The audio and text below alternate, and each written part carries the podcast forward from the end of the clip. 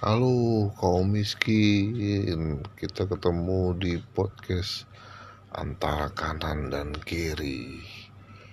Podcast yang berisi Tentang Perpolitikan warung kopi. Salam kaum miskin.